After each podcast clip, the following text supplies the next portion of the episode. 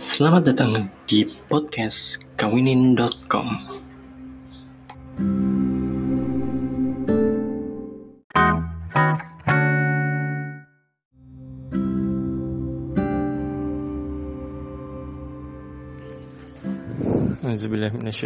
Bismillahirrahmanirrahim.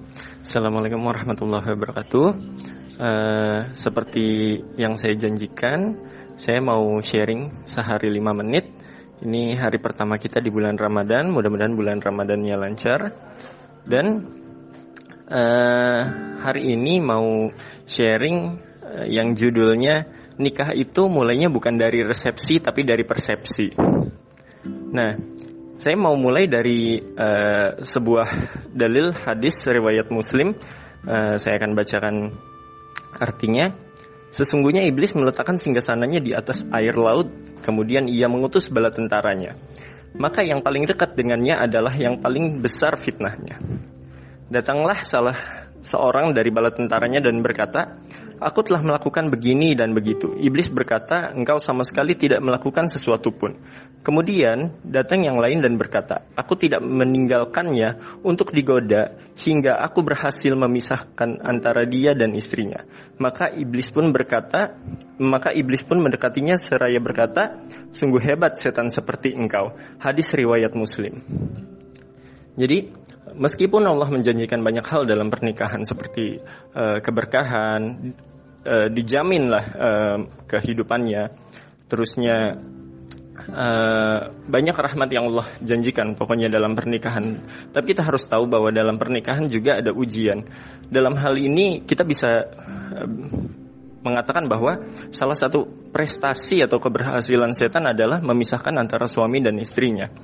Nah, dalam hal ini Uh, kenapa menurut saya nikah itu mulai dari persepsi adalah bahwa kita harus paham bahwa uh, nikah itu adalah sumber ujian. Meskipun banyak yang uh, dijanjikan oleh Allah mengenai kebaikan-kebaikannya dicukupkan rezekinya gitu diberikan ketenangan uh, itu bagian dari janji Allah. Tapi uh, kita tidak bisa melupakan bahwa begitu banyak godaan yang akan terjadi dalam pernikahan. Permasalahannya adalah banyak anak muda sekarang yang mau buru-buru nikah muda cuma karena ngelihat postingan public figure yang ngelihat seolah-olah pernikahan itu indah seperti yang diposting. Padahal kenyataannya tidak seperti itu. Pasti akan banyak cobaan-cobaan yang dihadapi dalam pernikahan. Nah, jika kita sudah paham mengenai persepsi pernikahan bahwa pernikahan adalah sumber ujian, cobaan, meskipun memiliki banyak kebaikan, uh, kita bisa menghadapi cobaan itu dengan baik. Karena kita paham bahwa nikah itu banyak masalahnya, saat menghadapi masalah kita paham ini adalah bagian dari gangguan iblis, maka kita bisa menyelesaikannya dengan segera.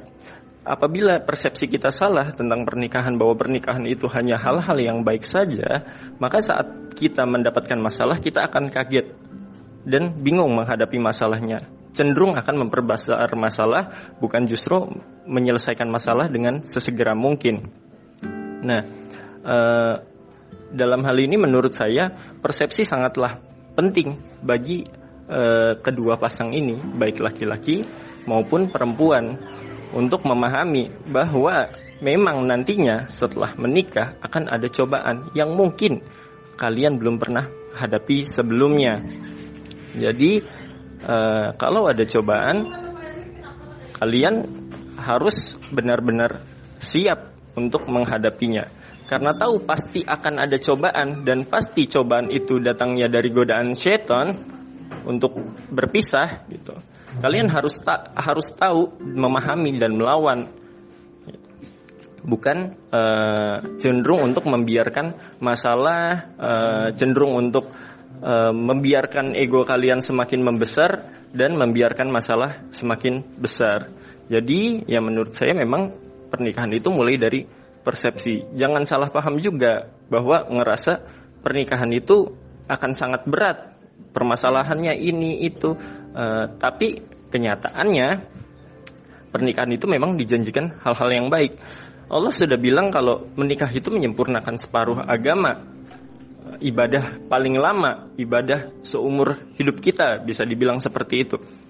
Uh, tapi dalam melakukan ibadah yang pahalanya besar, yang pahalanya banyak, uh, itu pasti akan ada banyak cobaan. Jadi teman-teman harus bersiap-siap dan pahami bahwa menikah itu adalah sekumpulan rahmat dan sekumpulan cobaan yang dijadikan satu dalam momen-momen tertentu. Dan bisa jadi apa yang kalian sangka adalah rahmat adalah cobaan dan bisa jadi apa yang kalian sangka cobaan adalah kebaikan yang Allah berikan kepada kalian untuk menghindari dari hal-hal buruk lainnya. Itu aja sharing dari saya. Kalau ada yang mau tanya jawab, silakan. Mohon maaf kalau ada kesalahan. Wabillahi taufiq wal hidayah. Wassalamualaikum warahmatullahi wabarakatuh.